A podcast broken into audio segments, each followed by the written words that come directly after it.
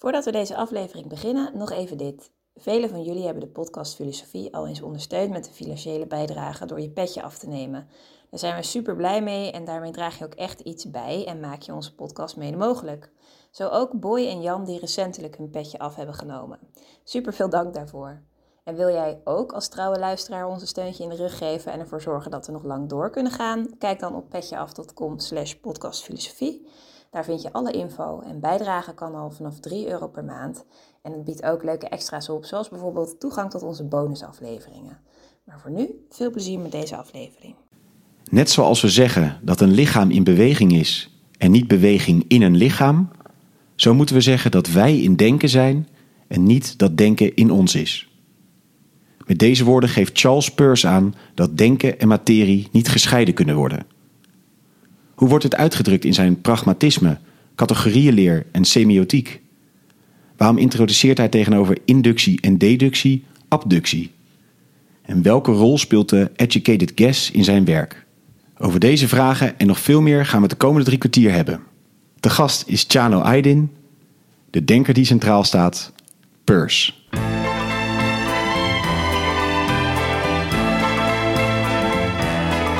Vers où le poids et l'ennui me courbent le dos.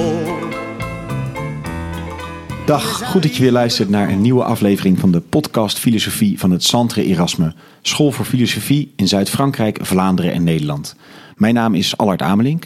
Het concept van deze podcast is als altijd simpel. Er is een hoofdgast, een presentator en een sidekick. En in ongeveer 45 minuten duiken we in het denken van één filosoof. Vandaag zit tegenover mij Kees Wijstra. Ja, leuk. En uh, tegen ons, naast ons, zit Chano Aydin, de gast van vandaag. Dag Chano. Hi. Welkom in de podcast. En we zijn in uh, Enschede. Precies. Op een nieuwe plek, toch? Ja, ja, ja, ja. De dozen zijn nog niet uitgepakt. Ja. ja. Een slechtere tijd konden jullie niet uh, bedenken. Nee. nee. precies. Maar we zijn tegelijkertijd ook de eerste die deze nieuwe locatie mag inwijden. Dus in die zin heeft het zeker. ook wel weer uh, zeker wat. Ja. En uh, Chano studeerde cum laude af in zowel de filosofie als de pedagogiek. En in 2003 promoveerde hij bij professor Paul van Tongeren, die wij laatst nog spraken over Nietzsche. En Chano is hoofd van de vakgroep Filosofie en vice-decaan van de faculteit Behavioral Management en Social Sciences hier aan de Universiteit van Twente. Nogmaals, Jano, welkom inderdaad. En we zijn hier bij jou te gast om het te hebben over Charles Sanders Peirce. Een Amerikaanse natuurwetenschapper en filosoof die leefde van 1839 tot 1914. En hij leefde een belangrijke bijdrage aan de logica, filosofie en wiskunde. En Peirce wordt beschouwd als de stichter van het pragmatisme. En uh, om een beetje de spanning op te bouwen, Bertrand Russell noemde hem zeker de grootste Amerikaanse denker aller tijden. En uh, nou, wij hadden nog niet heel erg van hem gehoord, dus daar gaan we het straks ook over hebben hoe dat nou kan dat hij dan zo'n grote denker is, ja. maar we niet zoveel van hem weten. Maar allereerst, hij is grondlegger van het pragmatisme. Jano, wat moeten we verstaan onder pragmatisme? Ja, allereerst denk ik dat hij de, of een van de grootste denkers überhaupt is. Dus niet alleen maar. Uh, überhaupt, dus überhaupt, Bertrand ja. Russell nog even aan, niet ja, ja, Ik zou nog wel een stapje verder willen gaan. Oké. Okay. Ik denk dat het een van de grootste genieën is die uh, de filosofie heeft voortgebracht. Ja, het pragmatisme, eigenlijk een, een woord uh, dat je niet zo heel vaak aantreft in zijn werk, ook al is hij daar de grondlegger van. En als je dat woord aantreft, is dat vaak om zich ervan te distancieren. Dus hij, hij heeft het in, in, inderdaad gegrondvest. En uh, hij heeft daar ook een hele belangrijke bijdrage aan geleverd. Maar tegelijkertijd vindt hij zelf dat anderen uh, wat hij heeft gezegd over het pragmatisme niet uh, goed hebben begrepen. En uh, daardoor ook eigenlijk voor heel veel ellende hebben gezorgd. En wie zijn, wie zijn die anderen ook weer bijvoorbeeld? Ja, eigenlijk zijn beste vriend al, ehm, James, William James. Die het ook salonveeg heeft gemaakt, dus die het gewoon bekend heeft, bekendheid heeft, heeft gegeven. Maar ook ja, in zijn directe kring had, je, had je al gelijk mensen die daar op een of andere manier heel erg gevoelig voor waren, dus interessant vonden. En later natuurlijk ook Dewey. Dus die, die, ja, die dat pragmatisme ook groot heeft gemaakt. Maar Peirce zelf heeft, ja, heeft, heeft voortdurend eigenlijk aangegeven dat je dat begrip heel genuanceerd moet benaderen. En hij heeft op een gegeven moment zelfs een ander begrip daarvoor in de plaats uh, geïntroduceerd, namelijk pragmatisme. En daarvan zei hij, nou, dat woord is zo lelijk dat eh, het heel kapen, onwaarschijnlijk is dat anderen het zullen gaan kapen. Ja, inderdaad. eh. Maar en wat houdt dat in? Op de, op de zuivere manier zoals Peirce het bedo- ja, bedoeld heeft? nou, zeg maar. misschien eerst de, de minder zuivere manier. Kijk, wat, wat al die pragmatisten gemeen hebben, dus James eh, en, en, en Dewey en Peirce, is het, het- dat het een poging is om theorie en praktijk op, op een of andere manier ja, die kloof tussen theorie en, en praktijk te overbruggen. Dus door duidelijk te maken dat er geen ehm, ja, categoriële, categoriële scheiding bestaat tussen theorie en praktijk. Dat eigenlijk theorie ook al een soort van praktijk is. Dus dat is eigen aan alle pragmatisten. En dat is natuurlijk vooral in een kritiek op, eh, op, op ja, Descartes. Eh, vooral ja, Peirce begint eigenlijk ook dat pragmatisme te ontwikkelen in een kritiek op Descartes. Dus het idee dat er enerzijds een soort materiële werkelijkheid bestaat en anderzijds een denken dat op een of andere manier die materiële werkelijkheid ja, probeert ehm, ja, te, te, te begrijpen. Ehm, en, en wat Peirce voortdurend probeert duidelijk te maken, en daar zullen we het straks ook in zijn, als we het hebben over zijn categorieënleer, eh, verder eh, wat nauwkeuriger bespreken. Is, is dat, die, ja, dat die scheiding er niet is. Dus het is niet zo dat er eh, een mentale werkelijkheid bestaat en die mentale werkelijkheid bevindt zich in je hoofd en, en daarbuiten is dan materie. Van het ik denk dus ik ben eh, van, eh, van. Dus, je- Ja. eh, dus dat je als het ware in je hoofd soort van zit. En, Ja. en, en dat zitten we niet volgens Peirce. Nee, nee, nee. Dus eh, het hele uitgangspunt is, is volledig verkeerd, eh, vindt Peirce.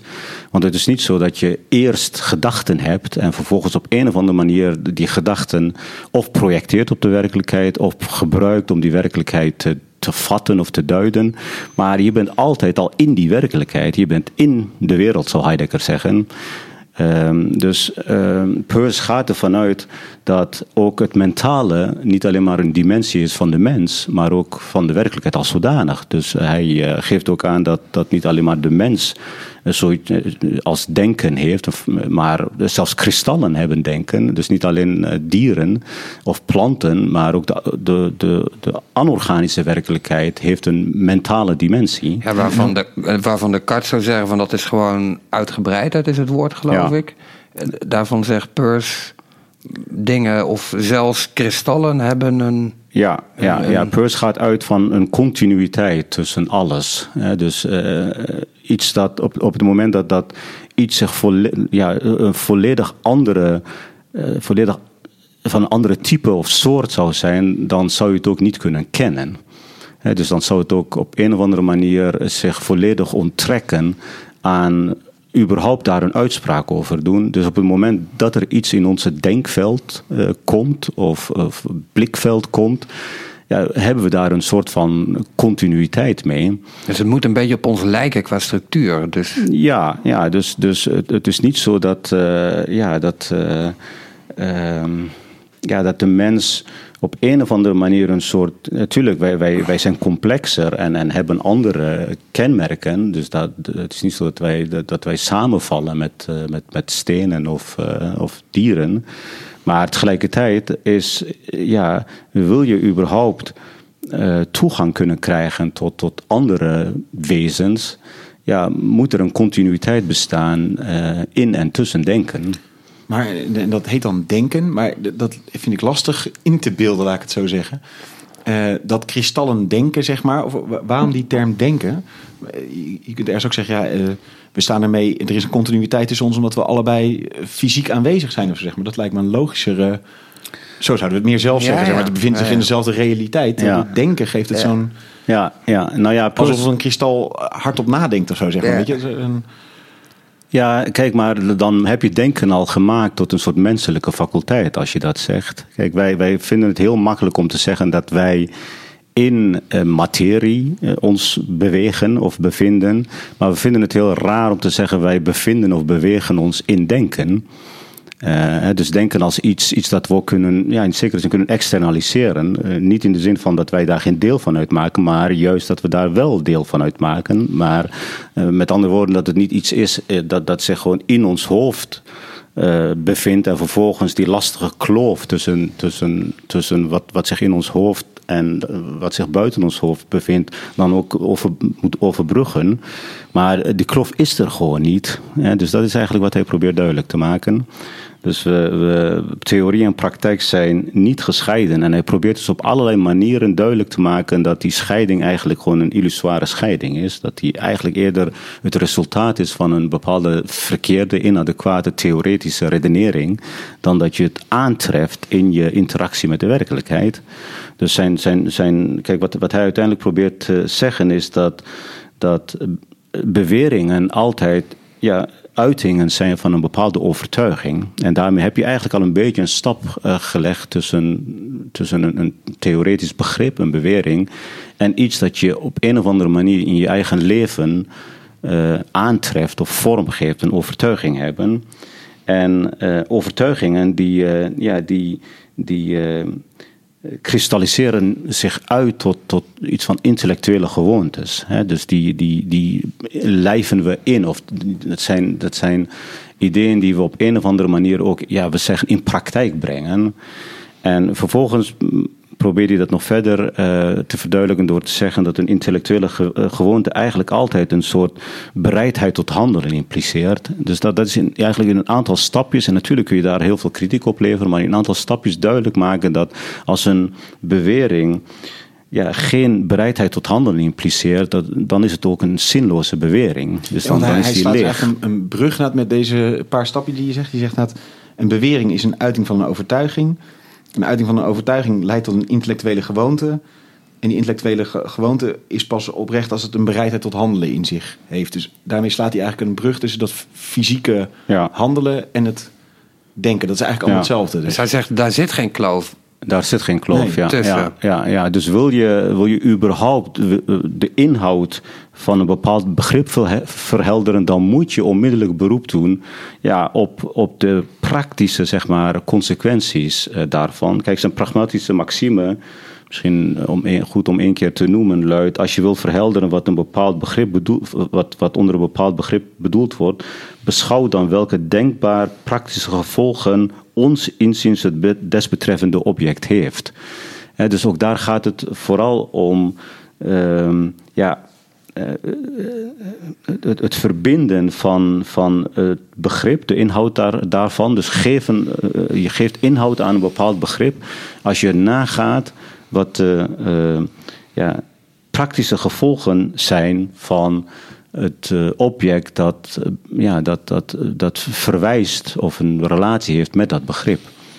Dus, dus er wordt onmiddellijk een relatie gelegd tussen, tussen denken en, en eh, Praktijk. praktijk. En kun je daar een voorbeeld van geven? Of, of waar we, en je zei nou net al even in een, in eh, ging je naartoe van nou, een zinloos bewering is dus een bewering die niet die bereidheid tot handelen in zich heeft. Kun je daar een voorbeeld van geven van zo'n Ja. niet echte bewering, zeg maar dan? Nou ja, Ja. kijk, een, een, een bewering krijgt al eh, wat meer inhoud en dan kom je in de buurt van waar, wat, wat Peirce eh, voor ogen heeft. Als je het niet zozeer hebt over bewering, maar over hypothesen. Kijk, eh, als ik, en een hypothese, zegt die heeft altijd een soort als-dan structuur. Dus ehm, als ik dit doe, dan verwacht ik iets anders. Als ik X doe, dan verwacht ik Y. Dus als ik zou zeggen, nou, een, een, een, een kopje ehm, ja, kun je opeten, ik zeg maar iets absurds.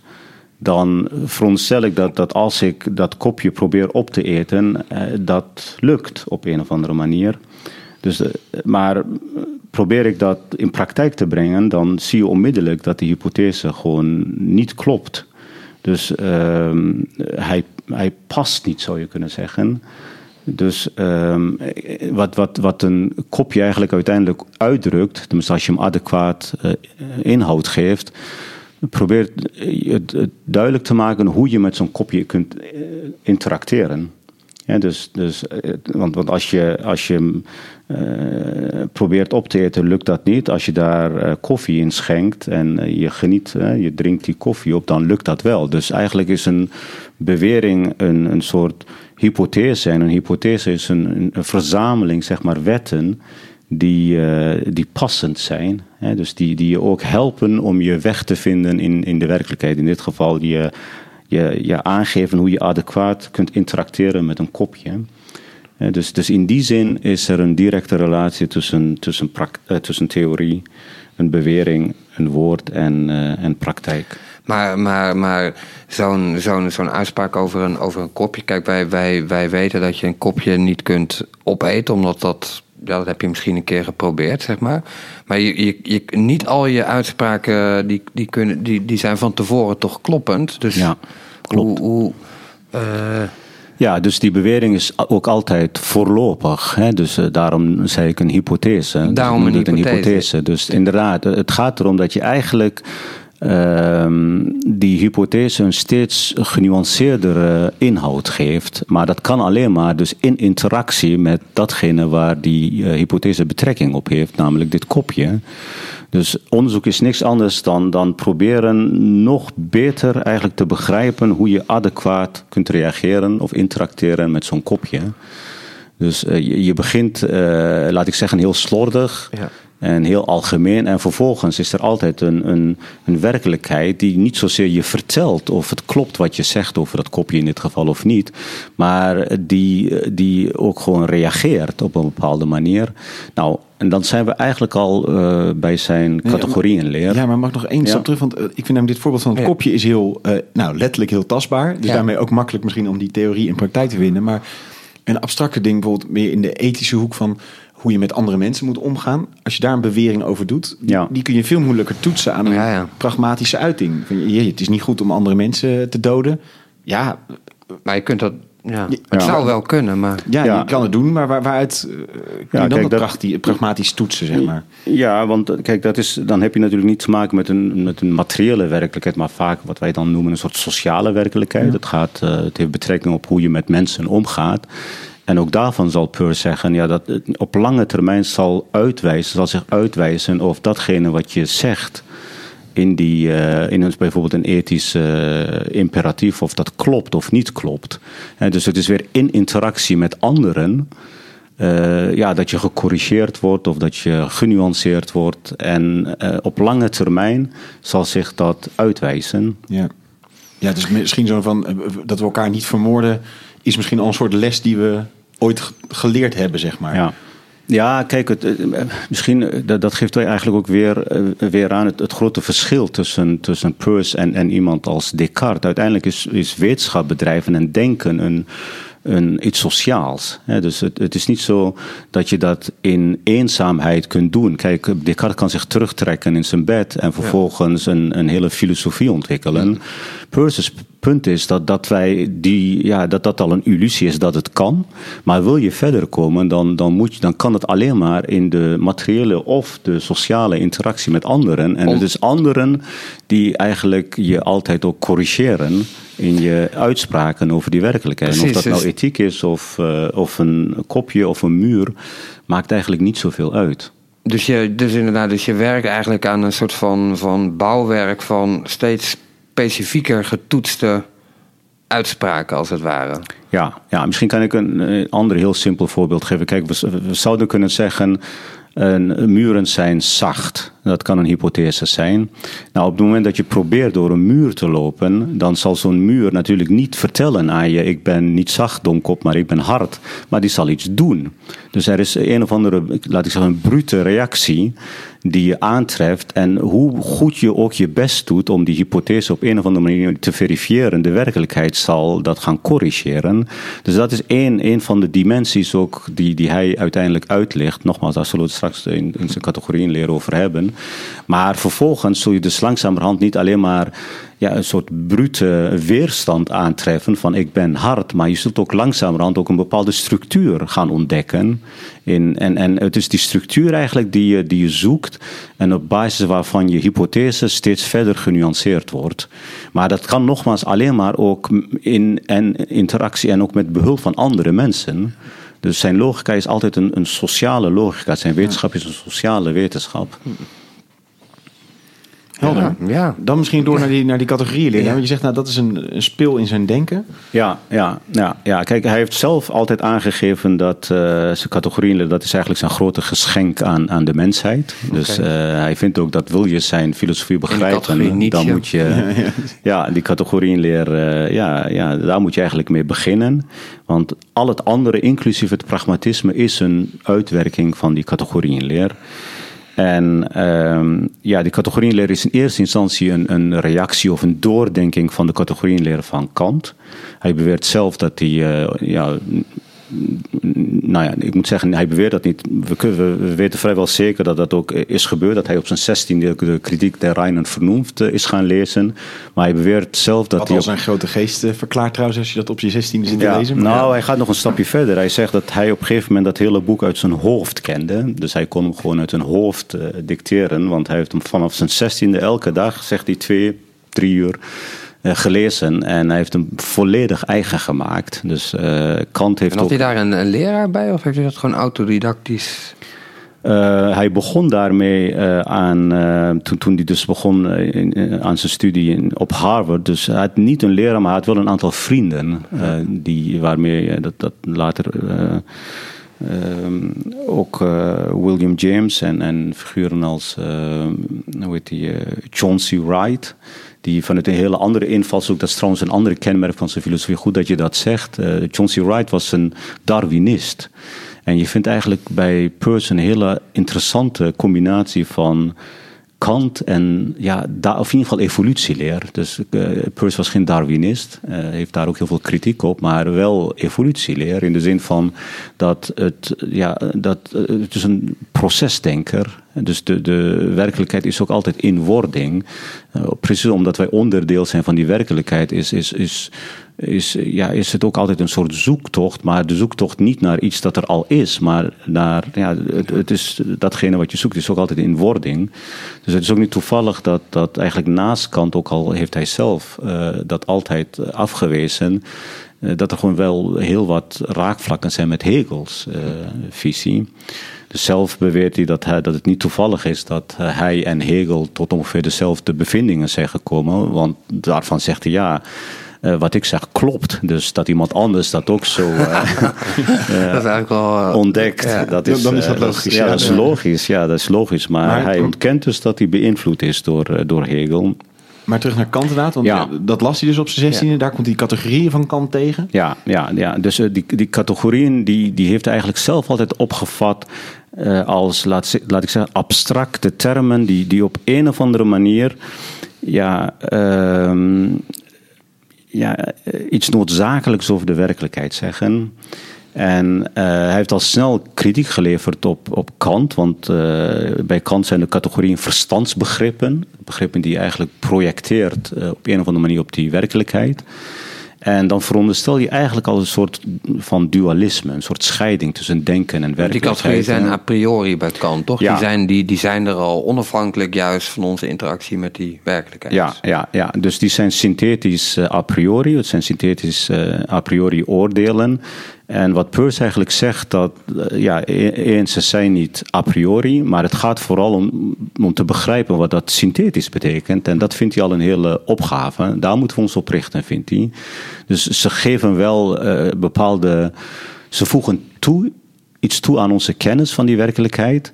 Maar tegelijkertijd zijn ze niet a priori, want dat veronderstelt weer een soort van dualisme. En, en dus het, het, is, het is niet zo dat, dat wij ons los kunnen maken van, van een onafhankelijke werkelijkheid. Ook al zou Kant natuurlijk zeggen, nou ja, die werkelijkheid kunnen we niet kennen. Maar we zijn altijd al in die werkelijkheid. En in onze interactie met die werkelijkheid zijn er een aantal dimensies die op een of andere manier. En dat maakt hem overigens wel weer een beetje traditioneel, Peirce bedoel ik. Ja, die, die op een of andere manier weerstand bieden tussen, voor het, ja, het, het ontwijken of wegdenken van die aspecten. Dus uh, ze, wat je ook doet, je moet ze op een of andere manier onderkennen. Misschien nog even, want inderdaad, Kant legt naar het a priori zijn er categorieën, dus dingen die zijn zonder onze interactie met de werkelijkheid. En Peirce zegt dus eigenlijk, ja, dat is er niet echt, maar er is wel iets. Hij schrijft het niet helemaal aan de kant. Ja, nee, wat Peirce zegt is dat in onze interactie met die werkelijkheid we eigenlijk ontdekken dat de werkelijkheid een, ja, een bepaalde structuur heeft. En die structuur kent dus drie dimensies. En hij probeert dus die drie dimensies in eerste instantie probeert hij dus uh, ja, aan te treffen en te, te, te duiden. Misschien kan ik een heel simpel voorbeeld pakken. Kijk, de, de meest eenvoudige geometrische eenheid is een punt. En hij zegt, kijk, een, een punt zou al de noodzakelijke, want hij wil alleen de noodzakelijke eigenschappen of dimensies hebben van de werkelijkheid. Dus dan zou een punt die ook al moeten hebben. En daarvan zou je kunnen zeggen, ja, inderdaad, een beetje. Uh, uh, dus, dus daarop toepassend. Kijk, laat ik zeggen, een zwart punt op een wit veld. kijk, daar, daarvan zegt in eerste instantie heb je dus eigenlijk twee kwaliteiten. Je hebt het, het zwarte en het witte. Maar die kwaliteiten, die, die zijn nog, ja, dat zijn nog abstracties. Uh, dus je, je, maar dat moet, die moet je eigenlijk al op een of andere manier onderkennen. Dus je, je, moet zwartheid onderkennen, en dus wil je van een punt kunnen spreken, en je moet witheid kunnen onderkennen. Maar dat is nog niet genoeg om, om te begrijpen of te, ja, te kunnen vaststellen, te kunnen interpreteren dat je te maken hebt met een punt. Maar dat is al wat. En daarvan zegt hij dus, dan, dan heb je iets van kwaliteit. Ook al is dat eh, nog potentieel. Dus je hebt zwartheid en witheid. Kijk, eh, het tweede wat je nodig hebt, en dat, dat, dat eerste noemt hij versus, dat neemt hij, hij, maakt het heel simpel voor ons, secondness, dat is het contrast tussen die twee. dus het, het, je, je, kunt pas een punt als een punt onderkennen als er een contrast bestaat tussen die witheid en die zwartheid. Maar dat contrast moet ook op een of andere manier in een object gemanifesteerd zijn. dus het, je, je, treft het ergens aan. Mhm. En, en dan, dan heb je dus secondness. Secondness betekent dus eigenlijk een soort contrast. En tegelijkertijd zegt hij van ja, maar dan nog heb je nog iets anders nodig om te kunnen onderkennen wat een, eh, ja, dat, dat je dus met een punt te maken hebt. Namelijk, je moet dat contrast, dus eh, het, het zwarte en het witte, moet je vanuit een bepaald perspectief kunnen zien, namelijk het perspectief van kleur dus je moet ze ook kunnen vergelijken met elkaar op basis van, van, van een of andere eigenschap. En dat noemt hij dus thirdness. dus je hebt, je hebt, wil je een punt, de, de, de meest eenvoudige uh, ja, geometrische eenheid, zou je kunnen zeggen, uh, onderkennen als punt, dan heb je al drie dimensies nodig. En die zijn soort van quasi wel a priori dus? Nee, die zijn niet a priori dat je ze eerst aantreft in je denken en vervolgens uh, daarvan zegt ja, om de werkelijkheid te kunnen structureren moet je ze dan projecteren op die werkelijkheid. Nee, ze zijn weer eigenschappen van de werkelijkheid als zodanig. Ze zit, liggen in die werkelijkheid. Ze liggen in die, werkelijkheid uh, en ze zijn ook op een bepaalde manier geëvolueerd. Dus hij, hij, hij sluit niet uit dat, dat als wij een andere ja, weg waren ingeslagen, of dat de, als de werkelijkheid een andere weg was ingeslagen, dat, dat we het zouden te maken kunnen hebben met andere categorieën. Dus het is ook niet volledig ondenkbaar dat, dat we misschien over duizend jaar of, of, of vijfduizend jaar een, een, vierde categorie aantreffen. Dat, dat, is, dat is niet uitgesloten. Maar zijn punt is dat in onze interacties, dus gewoon in ons onderzoek, eh, of dat, wat voor onderzoek dan ook eh, je altijd die drie uh, categorieën moet, moet onderkennen. En het maakt niet uit of je nou hallucineert of uh, gewoon een lekkere wandeling maakt op de campus. Dus die drie categorieën die, die zijn er altijd. Ja, dus de categorie kwaliteit, uh, contrast, contrast. En volgens het kunnen vergelijken op, die, op basis van ja. een bepaalde grond. Ja, ja dus, ja, dat, ja. dus inderdaad kwaliteit contrast of interactie. Ja, en het derde, ja, dat noemt hij soms denken of een idee. Maar die heeft een, een soort van algemeenheid. Hè, want je, je kunt, het is ook een, vorm van abstractie. Hè, dus je, als je zegt, uh, kijk, het, zwarte als je zegt dit punt is zwart, dan maak je hem ook eigenlijk altijd los van, nou ja, dat, dat punt dat je toevallig hebt. Uh, dus uh, aangetroffen op een muur of een blaadje. Dus je hebt altijd iets, iets algemeens nodig om het te kunnen duiden. Um, en, dus je hebt dat witte vel nodig. Dat om het zwarte punt te kunnen zien eigenlijk. Om het zwarte punt te kunnen zien. Ja, dus je hebt eigenlijk te maken met, met een contrast. Maar om de link te leggen tussen dat witte en dat zwarte, dat kun je alleen maar, zeg maar op basis van een meer algemeen idee doen.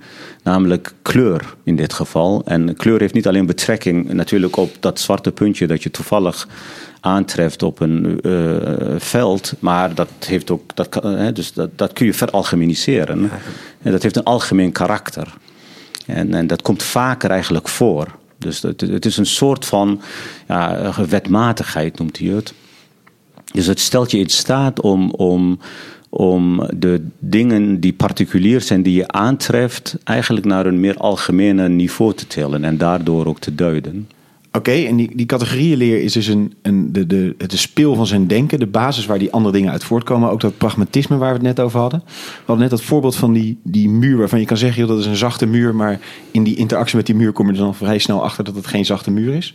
Kunnen we daar ook dat firstness, secondness en thirdness op toepassen, op die interactie met die muur? Ja, ja zeker. Ja, ja. Kijk, eh, nogmaals, het pragmatisme, of niet nogmaals, misschien heb ik dat nog niet gezegd. Pragmatisme is een soort methode.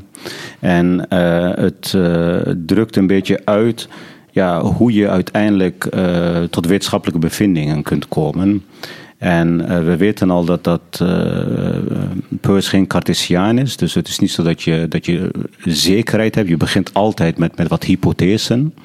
Dus je hebt een soort van uitgangspunt. Maar uh, dat, dat uitgangspunt heeft altijd ja, onzekerheid in zich. Kijk, stel dat de hypothese is: uh, muren zijn zacht. Hè, dus dan zijn we weer eigenlijk terug bij dat voorbeeld. Um, ja, dan, dan. Kijk, Descartes zal zeggen, nou, uh, of andere filosofen die, die het denken losmaken van, uh, van de werkelijkheid, die zal zeggen, ja, probeer op een of andere manier in jezelf criteria te vinden op basis waarvan je een uitspraak kunt falsifiëren, om eventjes die termen te gebruiken, of verifiëren. Dus het, het is vooral introspectie. Terwijl als je daar al niet in meegaat en zegt dat, dat elke vorm van denken eigenlijk iets is dat je in de wereld doet, ja, dan, dan moet je dus die uitspraak op een andere manier toetsen. En dus, dus als je zegt muren zijn zacht en je probeert vervolgens door een muur te, te, te lopen, ja, dan zal die muur op een bepaalde manier reageren. Dus dan doet die muur iets. Dus uh, kijk, je hebt in, in, dat, in die hypothese heb je nog zeg maar, allerlei verschillende mogelijkheden. Dus de, je hebt een vorm van onbepaaldheid, dat is dat firstness. Vervolgens word je geconfronteerd met de harde werkelijkheid. In dit, in, in, in, deze, in dit voorbeeld letterlijk de harde werkelijkheid van die muur. En dan zal die muur niet zozeer je vertellen dat die niet hard is, maar die zal iets doen. Dat is secondness. Dat is gewoon brute reactie. En, en, en dan weet je in ieder geval, nou, er is iets mis met de hypothese. Vervolgens zul je dus proberen te achterhalen wat daar gebeurt. dus dus wat, wat is een, waarom kan ik niet door die muur lopen? En daar, dat, daar, liggen allerlei ja, wetten, mechanismen aan ten grondslag. En die probeer je langzamerhand probeer je die te achterhalen. En dat is eigenlijk thirdness. Thirdness is proberen bepaalde, bepaalde structuur te vinden. En die je dan samenvat in, in bepaalde principes of wetten. Maar de conclusie is altijd weer een hypothese. Dus Peirce die, die, die, probeert een midden te vinden tussen wat traditioneel inductie en deductie genoemd wordt. Hij noemt het abductie. Dus, je, dus inductie even, eh, deductie? Ja, dus eh, inductie is eigenlijk dat je uh, allerlei particuliere observaties doet en vervolgens daaruit een soort algemene wet probeert te, te ja, te herleiden of impliceren, infereren. Um, uh, deductie is het omgekeerde. Dus dan heb je een, algemene wetmatigheid en daaraan, uh, dus, uh, te, daar, op, op, vervolgens als je dan een observatie doet en je hebt die wetmatigheid, dan kun je daaruit bepaalde conclusies trekken. Dus alle mensen zijn sterfelijk. Uh, Socrates is een mens, dus is Socrates sterfelijk. Dat is een deductieve redenering. Maar in, in beide zeg maar, redeneervormen um, is of het begin zeg maar de, de, in, in dit geval, als je te maken hebt met deductie, is een soort algemene wet. Of de conclusie eh, wil een algemene of een, of een zekerheid zijn. Ja, die dan onwrikbaar is en eindig is. En ja. dat, dat is dan helder, dat staat dan in steen ja. gebeiteld, zeg maar. Ja, en, en Peirce's punt is eigenlijk dat zowel het begin als het eind een hypothetisch karakter heeft. Het, heeft, het, het is altijd een vorm van waarschijnlijkheid. Ja dus je, je, ja, het is altijd weer. Uh, een nieuwe input voor een nieuwe. Precies. Hypothese. Ja, ja, ja, ja, ja. En, en het is altijd ook iets dat, dat anderen uh, kunnen falsifiëren. Het is ook niet toevallig dat uh, Popper het fallibilisme begrip van Peirce eigenlijk heeft, ja, je zou kunnen zeggen, overgenomen. En het falsificationisme begrip, wat beroemd is geworden later, heeft, heeft uitgewerkt. maar dat is ontleend aan, aan Peirce. Dus, het, dus hij, hij is, eh, ja, je begint niet met, met zekerheid en je eindigt niet met zekerheid. Eh, dus het is altijd kennis in wording. En een, een kennis waar ook ja, voortdurend. Ja, waar, waar, waarvoor je anderen nodig hebt om verder te komen. Dus dat, dat anderen is heel belangrijk voor, voor Peirce. Want het criterium op basis van waarvan je onderscheid kunt maken tussen meer en minder nauwkeurige uitspraken moet extern zijn. Uh, dit in tegenstelling natuurlijk tot Descartes. Ja, die uh, dus dat lang criterium, nadenkt dan... Precies, dat criterium is intern. Dat, dat kan iedere individu apart eigenlijk voor zichzelf ook ontdekken. En dat externe slaat weer op de, de, de, de, de realiteit waar, waar, waar die hypothese getoetst worden. Ja. Waarin de, ja.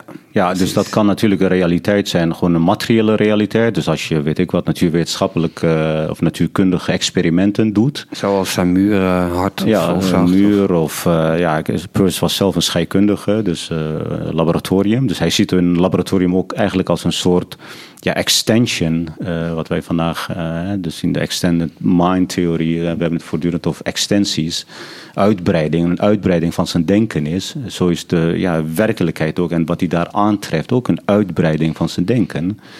Dus het is eigenlijk voortdurend op zoek naar ja, uh, betere hypothesen, maar het blijft gissen. Het, is, we hebben het, uh, het zijn educated guesses, zou je kunnen zeggen. Het is natuurlijk steeds meer educated, maar ja, blijven guesses. Ja, het is niet volledig grondeloos. Uh, in, hè, dus dat het geen enkele, dat het, het is geen, is geen relativist. Er, er is wel degelijk, de, de werkelijkheid is op een bepaalde manier gestructureerd, maar die structuur die ontvouwt zich en die langzamerhand ontdekken wij die. Dus hij is ook niet voorgegeven. En dat is weer dat evolutionistische van, van Peirce. Ja, en dus altijd in permanente ontwikkeling ja, inderdaad. Ja, ja. maar het is niet zo dat, dat die afhankelijk is van ons. Nee. Dus het is niet zo dat dat.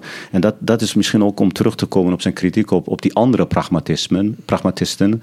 Ja, die zeggen, nou ja, waar is wat werkt bijvoorbeeld? Nou, zijn punt is. Dat, dat zou ik ook denken bij, bij het woord pragmatisch. Zo kennen wij het woord, pragmatisch, ja, toch? Ja, maar, maar dat is het juist niet. Nee, dus. nee, en daarom heeft hij daar een bloedhekel aan. Dus hij, zijn, zijn, hij is een realist. Hij noemt zichzelf zelfs een realist. realist maar waarom heeft hij zich dan niet stripe. het rea, realisme genoemd? Ja, nou ja, nogmaals, hij heeft dat woord pragmatisme zelf ook uh, niet veel gebruikt. Dus dat, ja, hij, dat, dat, dat is gewoon, op een gegeven moment is dat uh, door anderen is dat gebruikt en, en is dat gro steeds groter geworden.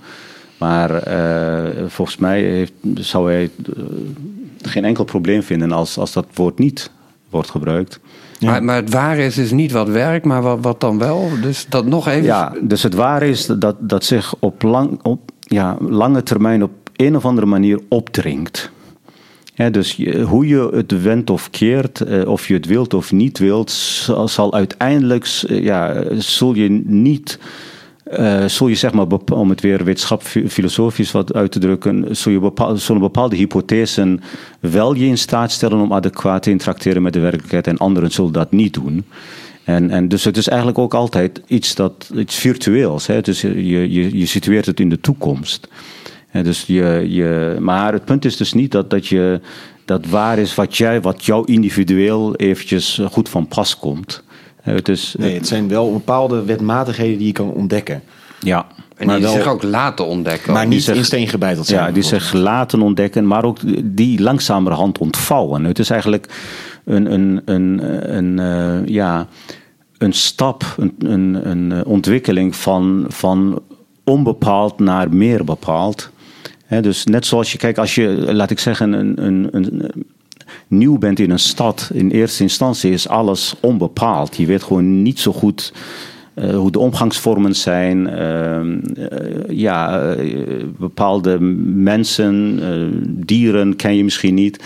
En langzamerhand, door die, doordat je daarmee gaat interacteren, wordt het, kristalliseert het zich uit, wordt het steeds bepaalder. En dat is eigenlijk wat er ook gebeurt. In, dus dan ga je bepaalde structuren aantreffen.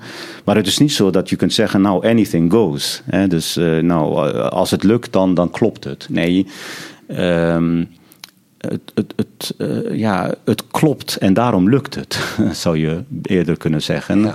Ja. dus uh, het is niet zo dat, ja, um, ja, het is niet zeg maar een vorm van nuttigheidsdenken. Nee. Dus er, is, er is ook echt een werkelijkheid, maar dan niet onafhankelijk van je. Maar, maar niet zeg maar, die werkelijkheid is niet is niet te herleiden tot een bepaalde voorkeur. Dat is zijn punt. Dus in dat opzicht is hij, is hij een realist en niet een uh, nominalist.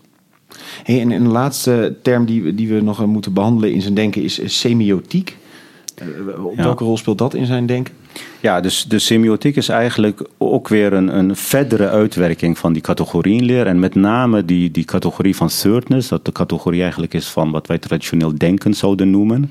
Hij ziet het uh, zelf als een ja, als een verdere ontwikkeling van de logica. Dus hij uh, brengt. De semiotiek. De semiotiek, ja, in lijn met de logica. Ja, wat letterlijk, is semiotiek? Semiotiek is, is een tekenleer. Ja, we, we, kijken, we kennen eigenlijk twee grote scholen. Uh, de twee, twee, scholen twee grote scholen. Uh, van de semiotiek, namelijk uh, de school van Ferdinand de Saussure en de school van Peirce, zou je kunnen zeggen. Het, is interessant om dat, uh, om denk ik, om, om, om, dat, om die vergelijking te maken. Omdat uh, Ferdinand de Saussure ook een tekenleer heeft, maar uiteindelijk drukt die tekenleer eigenlijk uit dat, dat alles gebaseerd is op conventie dus uh, op een bepaalde manier uh, hebben we ja, een bepaalde betekenis aan, aan woorden gegeven.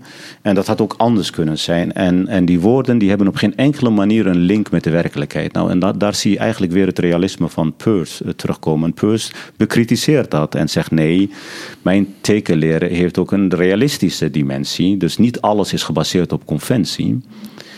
Dus je, je, je, kunt niet alles van tekens maken. Uh, tekens zijn niet zeg maar uh, het resultaat van, van bepaalde ja, toevallige um, um, ja, beslissingen, uh, conventies. Ja, bijvoorbeeld, als ik zo even. De, de, stoel hier, die noemen we stoel, maar die hadden we ook tafel kunnen noemen. Ja. Er zit niks in die stoel wat maakt dat we het een stoel noemen. Ja, maar uiteindelijk, kijk, we hebben eerder gezien dat het pragmatisme eigenlijk een directe relatie legt tussen woorden, beweringen en, en uiteindelijk handelen. Dus het gaat, ook, het gaat niet zozeer om hoe je die stoel noemt, maar in dit geval hoe je met die stoel omgaat. dus dus eh, de betekenis van een stoel wordt uitgedrukt in de wijze waarop je met die stoel interacteert. En dat is niet willekeurig. Kijk, uh, het is niet zo dat je eigenlijk onmiddellijk toegang hebt tot wat een stoel is. En dan kom je onmiddellijk bij zijn tekenleer terecht. Kijk, je hebt altijd maar een beperkt aantal of een beperkte hoeveelheid informatie. Dus uh, die, die, die stoel die is ons gegeven door, eh, doordat we bepaalde tekens verzamelen. En eigenlijk, eh, zoals ook eh, we hebben aangetroffen in die categorieënleer, proberen langzamerhand een structuur aan te treffen. Dus het is eigenlijk hetzelfde trucje, zou je, zou je kunnen zeggen, maar dan in meer uitgewerkte vorm.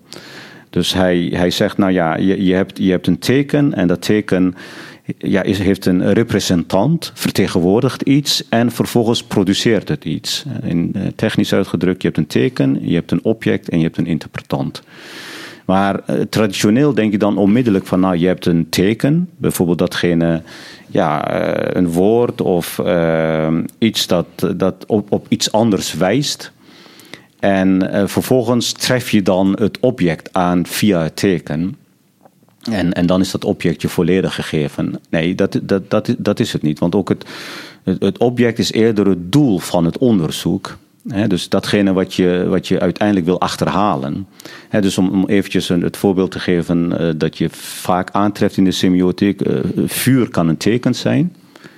Uh, sorry, rook kan een teken zijn. de, de representant is dan, is dan, is dan vuur. En interpretant, ja, dat is een beetje afhankelijk van de context. Dus eh, kijk, eh, Peirce zegt één teken is geen teken. Dus je wil je uiteindelijk kunnen achterhalen wat de interpretant is. Want dat, dat is eigenlijk de, de, ja, die laatste categorie, Thirdness, die ja. thirdness. Dan moet je meer tekens verzamelen. En dan heb je dus, kijk, als je, als je, als je thuis bent en je ruikt wat, dan is de interpretant, of sorry, dan is de representant, dus het object weliswaar vuur, de teken is rook, maar de interpretant is ja, gevaar.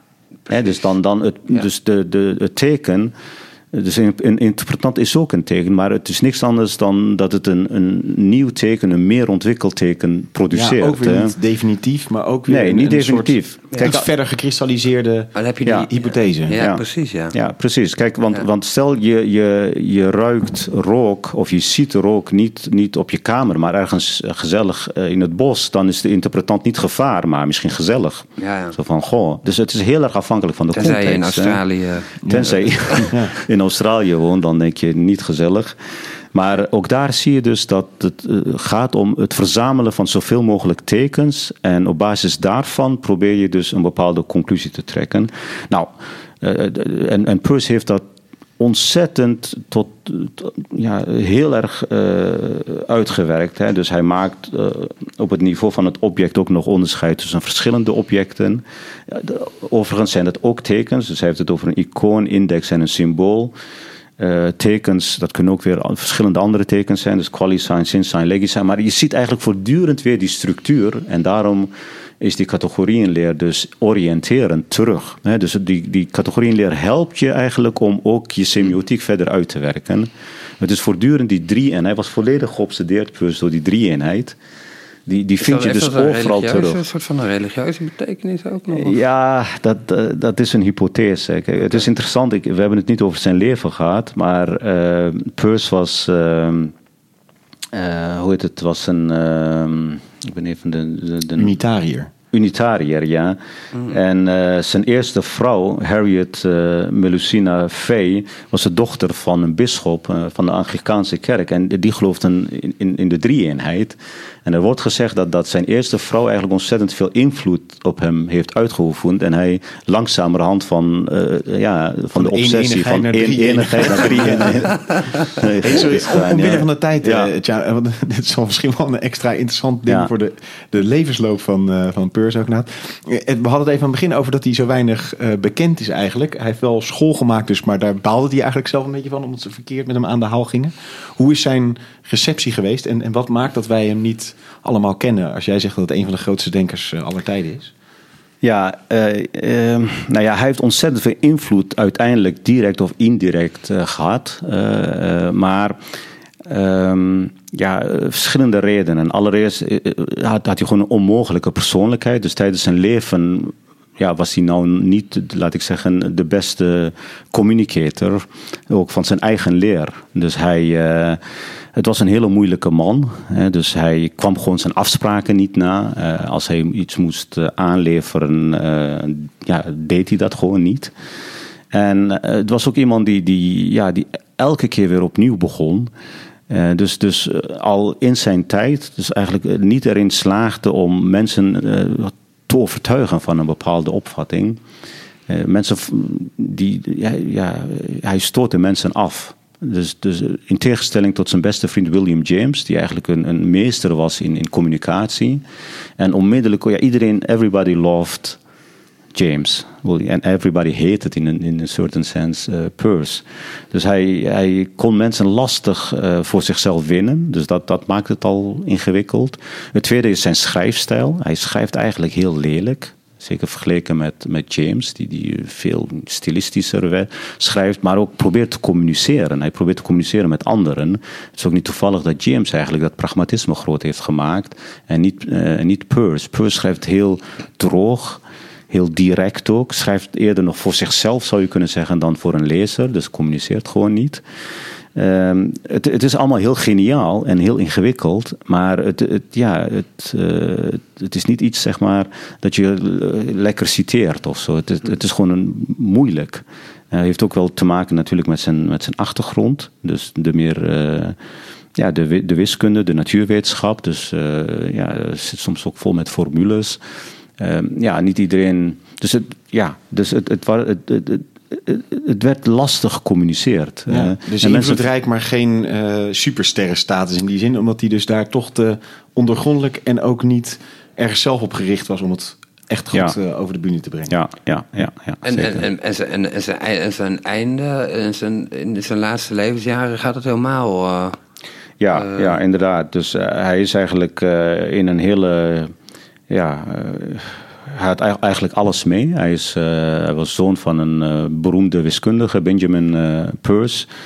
Maar door zijn onmogelijke karakter en ook nog een aantal dingen die hij heeft gedaan, waarvan mensen dachten dat hij ze niet had moeten doen, is hij uiteindelijk ja, zijn laatste dagen en jaren eigenlijk in armoede doorgebracht. En, en zonder James, zonder ook zijn financiële steun, had hij waarschijnlijk het niet tot 1914 gemaakt. hè.